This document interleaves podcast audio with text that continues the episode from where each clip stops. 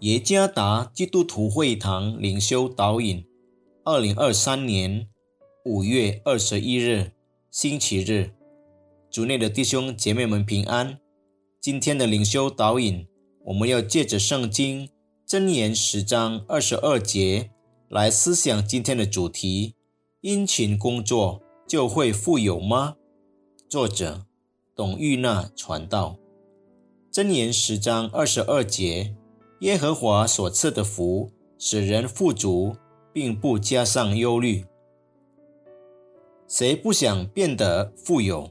因为借着我们拥有的财富，我们可以买到任何我们想要的东西，甚至因有了财富，能让我们的地位被别人尊重、文明、被追捧。为了能变得富有。不少人便不择手段和不顾后果的拼命争取。今天的经文告诉我们，上帝所赐的福使人富足，并非勤力打拼工作就会加增。财富是上帝所赐的福，因为财富是以上帝喜悦的方式获得的，所以可以心安理得。这是上帝所赐的福。因为他施恩福的源头，富有是神所赐的福气，而且是神赐福守勤的人。第四节，守勤的人会尽力达到极限，做到最好，并且是对的，是按照上帝旨意而行的。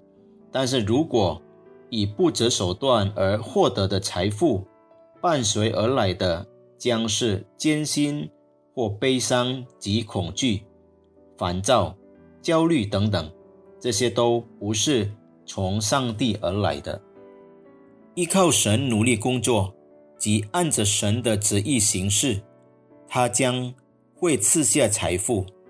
富有不是因为我们做了什么，而完全是来自上帝所赐的福，因为他是赐福的源头，故此。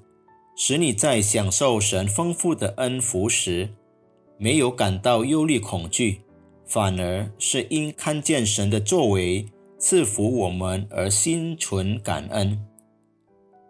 上帝是赐福的源头，因此在你工作的每一步都要依靠他。愿上帝赐福弟兄姐妹们。